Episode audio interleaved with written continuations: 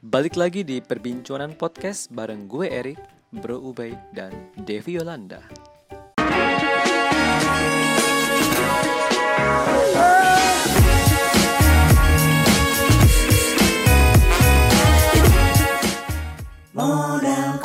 Betul. bisa dicoba. Oke, menarik banget ya jadinya. Jadi dari mulai review tadi ternyata itu tidak instan ya positif review teman-teman ya. Bisa di bisa dicatat itu ya. Jadi harus perhatikan benar-benar meskipun satu dua itu jangan baper gitu ya. Iya benar. Tetap hadapi satu-satu terus perbaiki produk kita kemudian akan lahirlah positif review secara langsung Betul, betul, betul. kayak gitu. Ngo- Ngomong-ngomong soal positive review, berarti kan ini uh, ada kaitannya juga dengan membangun loyalitas dan kepuasan pelanggan ya, sebetulnya seperti itu. Betul. Hmm. Gitu. Nah, gimana caranya uh, Devi and Tim itu kan otomatis ketika mereka ngasih review, mungkin ada juga review yang kurang baik seperti itu. Bagaimana cara penanganannya gitu? Apakah memang Hmm. harus standby 24 jam kah? Atau memang ada tim-tim yang memang uh, khusus uh, shift gitu ya di jam-jam tertentu untuk bisa membalas komen-komen dan sebagainya untuk mempertahankan kepuasan pelanggan. Eh, penanganan sama mempertahankan kepuasan pelanggan ya. Mungkin karena aku bicaranya karena sekarang bisnis kita bisa dibilang masih lumayan kecil lah. Jadi sebenarnya malam-malam sebelum tidur itu aku yang ngebalas-balasin juga gitu. Luar biasa. dianya chat ya ada ada timnya aku gitu cuman kan timnya aku juga kan mereka pasti lebih ke um, 9 to 5 gitu ya kan yang balas tapi abis itu yang pas malam aku tuh yang actually go through lagi satu-satu hari itu tuh mereka chat apa sih komplain apa sih um, terus ada yang udah dibalas belum? Atau udah dibalas tapi kita nggak bilang terima kasih gitu misalnya ya. Tapi maksudnya itu adalah hal yang benar-benar aku invest waktu um, untuk sedekat mungkin sama customer gitu. Jadi kalau dibilang penanganan tim standby ya bisa dibilang shift shiftan. Jadinya shift pagi ya si tim aku ada satu orang ini, shift malam ya aku gitu. Cuma um, karena kayak gitu jadi um, kita bisa langsung dengar feedback customer sih sedekat itu gitu. Dan juga kayak misalnya lewat Instagram pun itu langsung um, founder aku yang satu lagi yang suka balas-balasin DM-nya terus um, kalau misalnya aku nggak sempat balas DM tapi misalnya tim sosial media aku ada nge-repost story um, siapa ya misalnya UB gitu ya nge-repost di Instagram lagi pakai normal habis itu aku pun dengan Instagram pribadi aku sendiri aku yang akan approach mereka thank you udah support thank you udah beli. Uh, please let me know kalau misalnya ada feedback gimana kita bisa improve. Udah cukup ini belum cukup ini belum. Jadi um, itu ya kalau menurut aku um, gimana kita bisa buat loyal sama kepuasan pelanggan. Karena siapa sih yang nggak suka merasa deket gitu ya sama brand yang uh, mereka lagi coba brand yang menurut mereka uh, menurut mereka tuh visi misinya tuh sama mungkin kalau misalnya buat ibu-ibu yang nggak terlalu mikirin iko tapi kan mereka pasti mikirin anaknya pengen nyari yang Hmm. apa untuk keluarganya gitu ya kan Um, jadi itu sih kalau menurut aku untuk membuild loyal dan kepuasan pelanggan adalah kita harus bisa sedekat mungkin sama mereka. Komunitas sih menurut aku yang penting banget karena itu yang akan build loyalty juga ya dan itu juga yang lagi berusaha buat kita um, crack lah gitu. Kalau ada yang balas, ada yang komen, ada yang uh, misalkan ada yang bertanya uh, soal kehidupan pribadi gitu kan, curhat gitu, ada nggak sih gitu? Curhat apa gimana? Ini pribadi nggak ngomongin produk. sih. Paling suka ngiriminnya rumah tuh foto-foto foto kayak kemarin ada yang ngirim foto lantai kamar mandinya yang kuning banget Oh. ini gimana ya mbak diapain ya ini lantai saya kuning banget bisa nggak pakai bedroomnya dan um, itu aku balas tuh baru banget tadi malam makanya masih ingat itu dan um, jadi si kamar mandinya eh jadi cerita nggak apa-apa nggak nih Nggak apa-apa. Boleh boleh. jadi menarik. ya. kamar mandinya kuning banget ya yang kayak kuning uh, karat gitu loh. Jadi ini aku langsung tanya ke aku forward ke um, head R&D-nya kita terus aku tanya ini produk bedroom kita bisa atau enggak buat bersihin ini? Dan head R&D aku bilang nggak bisa. Gitu karena ini adalah karat yang uh, disebabkan oleh zat besi yang tergantung di airnya mereka mungkin air sumurnya atau air tanahnya. Um, dan. Ya udah karena dibilang nggak bisa ya aku akan balas ke customer. Maaf ya barang kita bedroom cleaner kita ternyata nggak akan maksimal untuk membersihkan itu. Karena itu adalah yang jenisnya dari ini ini ini. Mungkin salah satunya juga adalah kita jujur aja gitu. Bagus dong. Kalau Dan seperti kita ya kasih solusi yang mungkin emang bisa gitu. Mm-mm. Tapi apakah ke depannya akan mengembangkan produk itu juga? Bisa. Nah, mungkin. Bisa jadi ya. bisa ada ada emang yang kita udah develop karena itu adalah salah satu masalah yang paling common di Indonesia karena jenis Hmm. quality airnya tuh beda-beda banget Hmm. gitu. Soalnya itu yang panitia uh, mm-mm. Mm, panitia kita tadi ada yang ngechat katanya kalau misalkan ada keluar Hmm, produk itu langsung pengen dibeli. kalau karatannya masih belum yang terlalu parah, terus di aluminium yang kayak di sink um, kerannya dan lain-lain itu masih bisa.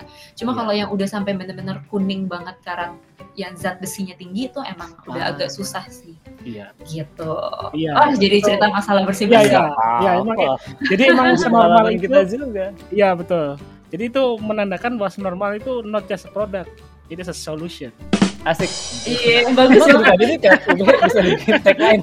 Bisa dibikin tagline Iya. ya benar ya, bukan gini, cuma iya. produk tapi Ah. solusi. Iya betul. Karena kan bisa nanya kan orang ini kenapa gitu. Bisa nggak cuma karena karena lu gak beli produk gua, gua gak mau jawab nggak gitu kan. Benar. Bener caring customer gitu loh. Kalau sosmed yang digunakan sama Mhm. eh, senormal itu apa aja sih? Buat strategi sosmednya? Uh, strategi apa aja? sosmed ya. Ada Untuk sosmed sih sekarang kita tuh masih fokusnya di Instagram. Hmm. Um, kita banyak banget uh, maximize reels karena um, reels ini kan juga adalah fitur baru um, di Instagram yang lagi mereka push banget. Terus kita juga lagi coba um, mulai develop TikTok kita. Um, so far sih itu ya yang kita pakai untuk channel ya. Jadi um, Instagram, terus lebih banyak di reels pasti, terus um, story, terus baru post. Nah terus juga yang kedua adalah TikTok. Tapi kalau spesifik strategi sebenarnya kita uh, pastinya pakai ads, kitanya juga pakai KOL, sama um, itu sih paling ya, sama konten sih. Kita merasa semakin banyak konten kita, walaupun mungkin um, nggak semuanya performance-nya bagus, tapi waktu orang pengen cari tahu barang kita, um, mereka bisa dapat apa yang mereka butuhin gitu. Jadi Oke. um, again tadi karena kita butuh banyak banget edukasi jadi kita make sure kontennya kita tuh ada untuk memudahkan mereka uh, mencari tahu dan mengerti produk ataupun brand kita. Oh, bikin webinar online juga nggak? Nah, webinar online belum. Kita tuh sebenarnya kepikiran pengen bikin ceritanya ala-ala Instagram shopping live yang kayak dokter TV zaman dulu. Ingat ya sih? Yang Oh, iya. malam-malam tuh Dia Ya, kita kepikiran bikin itu tuh. Jadi yang kayak ini kotor kena saus, kita coba bersihin. Wah, kalau- ada Cuma kan demonya ya, gitu ya. Iya, ada demonya produk demo. Kita kepikiran kayak gitu sih. Cuma belum sempet bulan ini, mungkin akhir bulan atau bulan depan kita mau coba lakuin. Seru-seruan Ah, aja sih. Itu kan seru juga termasuk um, product knowledge ya. Oke, eh, aku mau nanya nih Devisa terkait dengan inovasi nih. Ini buat teman-teman yang mungkin bisnis juga ya, mulai berintis bisnis mungkin. Sebenarnya seberapa sering sih kita harus inova melakukan inovasi dalam bisnis gitu ya? Lalu eh, kan nggak se nggak semudah itu inovasi bisa diterima oleh pelanggan kita. Nah, Mm-mm. aku rasa ini si senormal nih cocok banget untuk menjawab hal ini gitu ya, karena produknya sendiri adalah sebuah inovasi. gitu. Mungkin lebih ke jenis inovasinya kalau bisa jangan terlalu banyak. Karena nanti customer juga jadi bingung dan kita pun bingung. Tim marketingnya pun akan bingung. Jadi mau inovasi yang mana dulu nih yang dikedepanin gitu. Karena waktu awal-awal kita sebelum launching produk pun kita bingungnya yaitu kita merasa produk kita bisa dipakai semuanya. Bisa save ini, save ini, save ini, tapi yang mana duluan sih yang mau kita kedepanin gitu. Jadi kalau misalnya semakin banyak yang kita inovasikan ya yang ada mungkin malah customer bingung terus malah nggak jadi beli. Sama aja kayak kita kalau terlalu banyak opsi kita jadi ah udahlah nggak usah males yang biasa aja. Gitu. Hmm, jadi oke, mungkin kalau seberapa banyak inovasinya kalau menurut aku kalau bisa fokus di satu tapi yang paling kuat itu akan lebih baik sementara sambil di develop lagi inovasi-inovasi lain dan lain-lain dan seberapa seringnya um, itu menyangkut kayak tadi sih um, inovasinya satu um, tapi kita make sure inovasi satu itu udah diterima dulu oleh customer sebelum kita mendatangkan inovasi lainnya.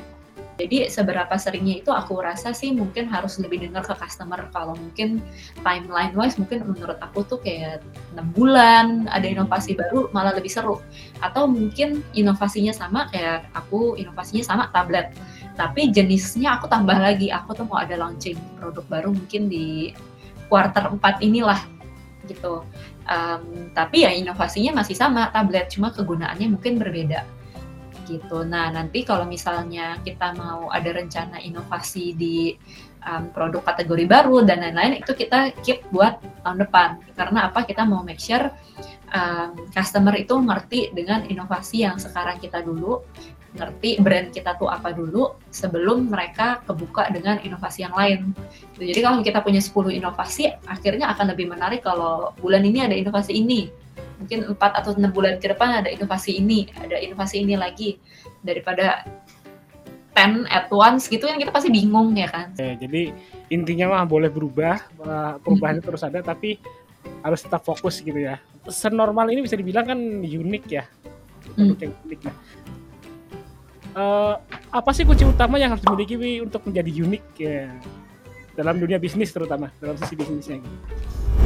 Mungkin aku bakal bisa bilangnya adalah nggak semua orang bisa membawa inovasi baru. Gitu. Kayak misalnya buat um, brand senormal punya inovasi tablet ini, ini ya uh, apa ya jatuh bangun dan mungkin aku pun um, lucky gitu ya maksudnya beruntung ketemu founder aku yang satunya lagi ternyata ngerti chemical kayak gini-gini and nggak semuanya berjodoh bisa kayak gitu gitu ya misalnya tapi kalau misalnya um, nggak bisa dalam produk inovasi, kita bisa cari cara lain gimana biar bisa berbeda. Apakah hmm. approach marketingnya, apakah approach distribusinya, apakah approach um, banyak banget sih kan sisi dari bisnis itu yang bisa kita cari gitu ya. Mungkin marketingnya sama aja sama yang lain, tapi ternyata distribusinya kita beda. Um, contoh ada brand satu lagi, uh, jadi ada startup yang jualan barang um, FMCG, tapi bukan um, tipikal barang FMCG, tapi bisa direfill.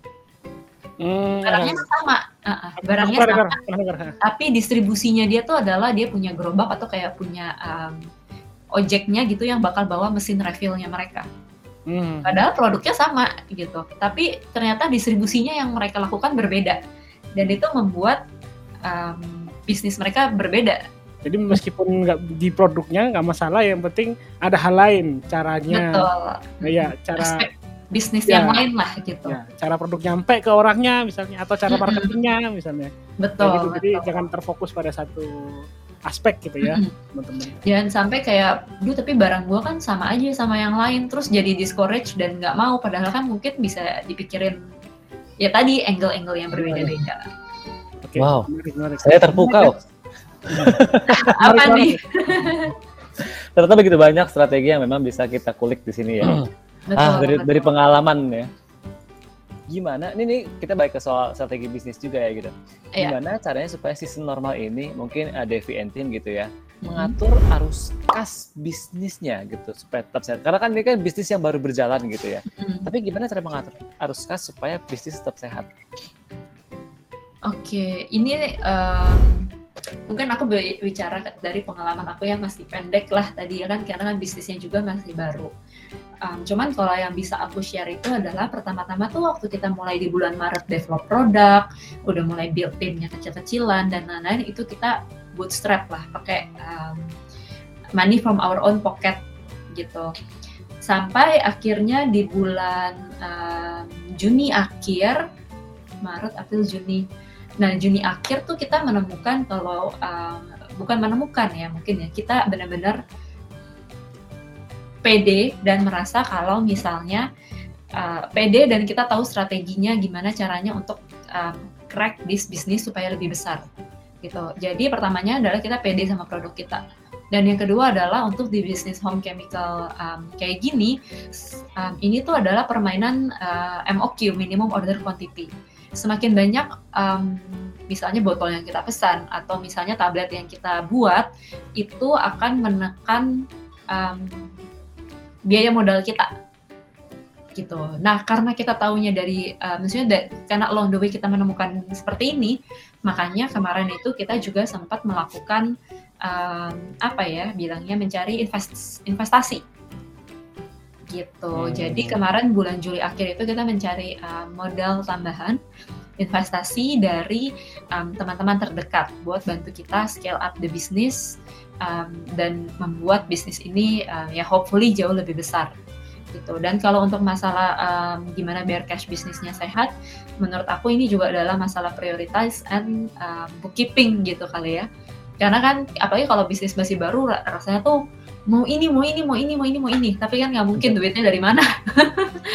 Jadi itu adalah masalah prioritas um, oke okay, tahun ini kita cuma bisa ini sama ini. Tahun ini kita cuma bisa beli misalnya stok segini. Makanya um, sisanya bookkeeping ya um, I think itu sih semuanya harus di plan oke okay, kita perlu jual berapa supaya kita bisa punya profit berapa dan supaya profit ini bisa kita putar ke mana. Kita bisanya cuma hire berapa orang supaya kita nggak terlalu banyak um, ngabisin modal kita dan lain-lain ini yang memang harus direncanakan dan di um, plan to the very uh, last detail sih ya walaupun plannya berubah-berubah juga sih ya Oke, menyesuaikan kondisi ya sebetulnya ya. Ya menarik banget ya. Tadi aku mau gali sedikit, tadi udah sedikit disinggung sih soal uh, ngumpulin modal ya. Tadi kan mm-hmm. si normal sendiri sempat ada investment ya. Betul. Nah ada cara lain nggak, Devi, uh, untuk tips nih buat teman-teman yang ngumpulin modal usaha nih, biasanya mm-hmm. itu jadi kendala tuh yang bikin orang nggak jadi usaha tuh, ah tuh punya modal. Nah, ada tips-tips khusus nggak biar akhirnya yakin terus tahu caranya punya modal gitu. Tipsnya aja sih biar cara ngumpulin modal gitu tipsnya apa aja? Gitu. Hmm, gitu. Cara ngumpulin modal tipsnya kita sih waktu itu patungan ya. Oh ya. Okay, Karena sebenarnya kita juga ya um, kepikiran untuk um, pinjaman bisnis Hmm. gitu. Itu juga salah satu cara yang kemarin kita sempat eksplor sih. Jadi kita kemarin mikir kalau misalnya nggak um, ada teman yang bisa bantu buat kasih kita modal nih, mungkin kita lakukan uh, pinjaman bisnis ya. Nah, um, kemarin sih memang solusi kita tuh antara dua itu Sebenarnya juga kalau misalnya nggak melakukan investasi um, dari teman ataupun pinjaman bisnis, misalnya patungan tadi um, udah bisa ada yang terkumpul, menurut aku nggak harus selalu mulai dari nol ke yang punya 100 juta gitu, nggak kok. Mungkin kayak kita bisa mulai dari ya tadi patungannya berapa, terus gimana caranya dari jumlah uang patungan kita tadi gimana ya biar kita bisa make it work. Oke, jadi banyak cara sebenarnya ya. Jadi nggak boleh jadi kendala dan harus dicari gimana baiknya lah. Misalkan teman-teman nggak punya duit sendiri ajak temennya kerjasama patungan kayak gitu. Nah uh, terkait dengan uh, apa namanya uh, untuk awal bisnis kan pasti memang struggling gitu ya. Nah untuk memulai bisnis pasti struggling gitu kan. Nah mm. ini kita balik kalau misalkan untuk seorang wirausahaan gitu kan mental. Nah apa yang harus dimiliki sebagai uh, wirausahaan baik dalam sisi mental karena kan pasti jatuh bangun ya mungkin hmm, saja uh, produknya hmm. pasti coba apalagi produk yang dibuat sendiri hmm. produknya bagus atau tidak terus pasti harus keluarin modal dulu di awal gitu hmm. kan habis itu bagaimana cara pengembangan produk habis itu berlanjut ke pemasaran nah itu uh, mental-mental seperti apa saja yang harus dimiliki oleh seorang wirausahawan? Mungkin yang paling gampang ya harus kuat mental sih. Cuma uh, I think something kayak um, harus um, resilient lah gitu. Jadi kalau misalnya ada difficult situation, kita nggak boleh down kelamaan, terus merasa stuck, merasa nggak ada solusi atau apa. Um, justru mentalnya tuh kita harus bisa um, recover quickly, find solution gitu pak. Um, karena nggak mungkin masalah nggak ada solusinya cuma tinggal putar otak gimana cari caranya aja gitu. Jadi uh, mungkin lebih kayak banyak muliknya tadi sama kita nggak boleh um, merasa stuck ataupun down uh, ataupun ya apa pun itu yang negatif itu itu nggak nggak boleh linger terlalu lama sih. Terus kalau yang kedua menurut aku yang penting banget juga kita harus confident but humble. Hmm. pede tapi tetap humble supaya kita bisa jadi uh, istilahnya itu kita uh, full time student tapi bukan full time student yang uh, apa ya bukan full time student yang um, gampang menyerah gitu tapi tetap harus pede gitu mungkin pedenya dulu lah ya kalau menurut aku yang harus uh, penting banget juga itu adalah percaya kalau misalnya um, produk kita ini menyelesaikan masalah dan bisa diterima masyarakat. Hmm. Kenapa menurut aku harus pede dulu karena along the way setiap kali ada down itu yang akan pertama kali um, impact mental kita gitu apa emang barang gue jelek ya? mental ya. Heeh. Iya, apa karena barang gue jelek ya? Atau mungkin pricing gue gini ya? Atau misalnya kayak misalnya botolnya jelek ya? Aduh, apa kemarin kurang ini ya? Apa ini ya? Karena mental tuh akan gampang banget dan bikin kita down dan nggak pede. Terus rasanya pengen nyerah gitu. Sedangkan kalau bisa kita bisa pede sama um, bisnis kita, produk kita. Kalau aku tuh ngeliatnya produk aku ini adalah baby aku. Gitu. Jadi aku harus pede baby aku ini adalah yang terbaik dan yang apa aku lakuin ke dia adalah yang terbaik juga gitu walaupun mungkin tadi ada up and down-nya dan nggak semuanya berhasil nah tapi um, we need to confident but also humble-nya adalah um, jadi jangan cinta buta gitu. Sometimes Hmm. as a founder kita tuh cinta buta um, to to one idea to our product sampai kita nggak mau dengerin customer gitu mungkin. Nggak mau dengerin kritik ya nggak boleh juga kayak gitu gitu. Karena kita tahu um, kritik itu yang akan membangun kita yang akan membangun tadi babynya kita produknya kita untuk semakin besar dan semakin um, baik gitu. Jadi um, menurut aku mungkin um, itu sih ya. Jadi kita harus pede tapi humble. Gimana caranya kita bisa jadi um, menerima kritik dan mem- membuat kritik itu jadi membangun kita dan resilient tadi. Hebat loh. B, bisa nggak kita B kayak gitu B? Iya. semua orang mentalnya baja kok pasti kan Iya. jadi mulai aja dulu ceh Ah, oke. wajahnya masih kayu gitu. Kadang kita apa postingan kita di komen dikit aja udah kena mental tuh kan. Jadi harus Benar, dibuat dari benar. itu berarti kan. Ya, tapi gitu kan tercerahkan ketika ada yang bilang produknya bagus. Nah, iya betul Makanya harus pede habis itu eh, tetap humble gitu ya intinya tadi. benar benar Oke. Nah, mungkin ini bisa dilanjutin Devi eh, terkait dengan ya sekalian tadi aku yakin tuh sharing-sharingnya banyak banget Hmm. kebantu teman-teman untuk yakin gitu ya, terutama yang dari awal bisnis, baru awal-awal berbisnis. Nah, kira-kira apa tuh pesan-pesan soal bisnis yang bisa dibagi ke teman-teman selain yang tadi itu kan terkait dengan mental ya, Hmm. ke sobat modalku yang lain gitu. Eh, pesan bisnis mungkin pesan bisnis kalau mau mulai sa- bisnis gitu kali ya Ya, kurang lebih begitu. Ha, yang awal-awal ya. Kan Iya, orang bisa relate tuh kalau awal-awal pas itu. Betul betul. Itu uh, kalau menurut aku sih adalah um, tadi sih ya mungkin jangan terpaku sama uh, jangan terlalu jatuh cinta sama um, ide kita gitu. Kita harus ada punya some logical reason. Makanya waktu tadi aku sempat cerita awalnya ide senormal tuh bukan bersih bersih tapi misalnya home accessories gitu. Tapi kalau waktu kita ngulik-ngulik um, home accessories uh, tentu kita udah cinta sama idenya ya. Kita itu udah bikin boardnya kita udah bikin plannya kita udah coba cari-cari supplier.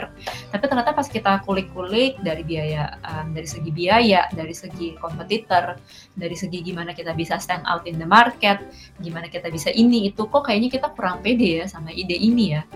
Um, padahal itu udah sekitar dua bulan dari Desember tahun lalunya deh berarti sekitar 2-3 bulan udah kita develop gitu. Mungkin kalau waktu itu kita nggak benar-benar buka pikiran kita mungkin kita sekarang jadinya jalanin itu. Which bukan berarti yang mau jalanin itu harus stop ya cuman at that time ternyata capability kita nggak di situ.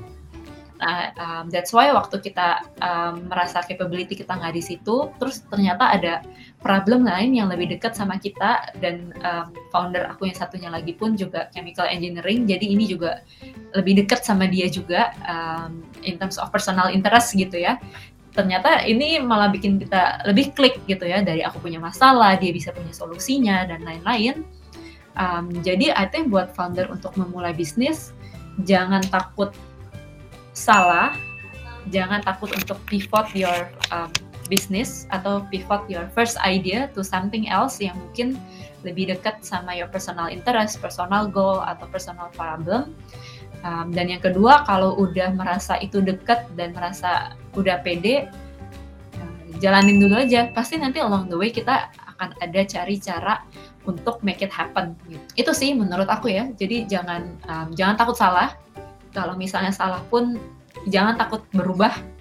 Dan kalau misalnya ada komplain atau ada yang nggak sempurna, nggak apa-apa, jalan dulu aja karena uh, kalau nunggu sempurna nggak akan mulai. Kita bisa selalu cari solusi kalau ada problemnya lah gitu. Mungkin itu ya. I don't know if it Iya, Wow. oke. inilah mental sampai- bisnis sampai- yang hebat. Iya. Kita sampai diem aja deh. Amin. Termenung. Iya, melihat ini. Karena semua ini loh. Semoga terbantu ya. Aku nggak tahu ya. Pengalamannya masih Iya, pendek juga lah. Iya, iya. Tapi pengalaman pribadi itu memang bisa kita contoh gitu kan dari Iya. pengalaman apalagi baru memulai usaha seperti itu gitu. Nah harapannya juga bagi sobat modalku nih setelah mendengar ini mental-mental yang merasa kayaknya produk gue kurang bagus jangan menyerah gitu ya Benar. harus mencoba mencari yang terbaik. Oke B eh, dan Devi sepertinya Iya. kita sudah cukup lama ngobrol ini ya. Saking Iya nggak berasa ya. loh. Tapi seru Nggak banget. berasa loh ya. Gitu B. Oke. Jadi eh, kita sepertinya sudah sampai di penghujung acara nih B. Iya sayang banget ya. Padahal masih lagi seru-serunya. Banyak Apa, hal. apa mau lanjut kita B? Oh enggak dong. Kan 24 jam B. Enggak makan pak. Antar pak. Udah lapar nih. Iya. Siap. Oke, jadi kita di penghujung acara ya, sobat-sobat modalku. Eh, pastinya banyak banget insight dan apa namanya tips serta pengalaman Devi yang sudah di-share ke teman-teman sekalian, terutama terkait dengan teman-teman yang baru mulai bisnis. Semoga makin dapat pencerahan, semoga nggak takut melakukan perubahan, dan semoga tetap tough dengan bisnisnya gitu. Mantap. Amin. Tetap pede ya yang penting ya teman-teman ya harus nggak Betul. boleh ya jangan gampang nyerah gitu karena gampang nyerah jangan gampang menyerah itu ada lagunya kayak gitu. Asik. Gak mau ny- nggak mau nyanyi kan? Iya, Jangan nggak, nyanyi di sini. Nggak, Mulai nggak. nih. Ya. Oke, ya thank you banget juga buat teman-teman yang sudah stay tune dan dengerin di mana pun kalian, kapan pun kalian dengerin ini, semoga bisa memberikan apa namanya pencerahan dan bisa diterapin ke bisnisnya masing-masing gitu. Sobat modalku jangan lupa untuk share and like podcast ini dan jangan lupa untuk subscribe YouTube modalku. Karena subscribe itu gratis. Gratis. Oke, untuk info next eh, perbincangan podcast selanjutnya, eh, teman-teman bisa follow dan pantengin Instagram @modalkuid. Oke, dan Hmm. terima kasih Devi. Sekali lagi terima kasih. Sama-sama. Jadi, Oke, Aku udah dan happy banget buat diundang. Padahal masih baru. Thank you ya. ya, mantap. Dan akhir kata dari gue JT, dan gua UB, sampai jumpa di perbincangan perbincangan podcast, podcast selanjutnya. selanjutnya. Iya. Ya. Oke. Bye. Bye. Terima kasih Devi, terima kasih teman-teman. thank you. Thank you.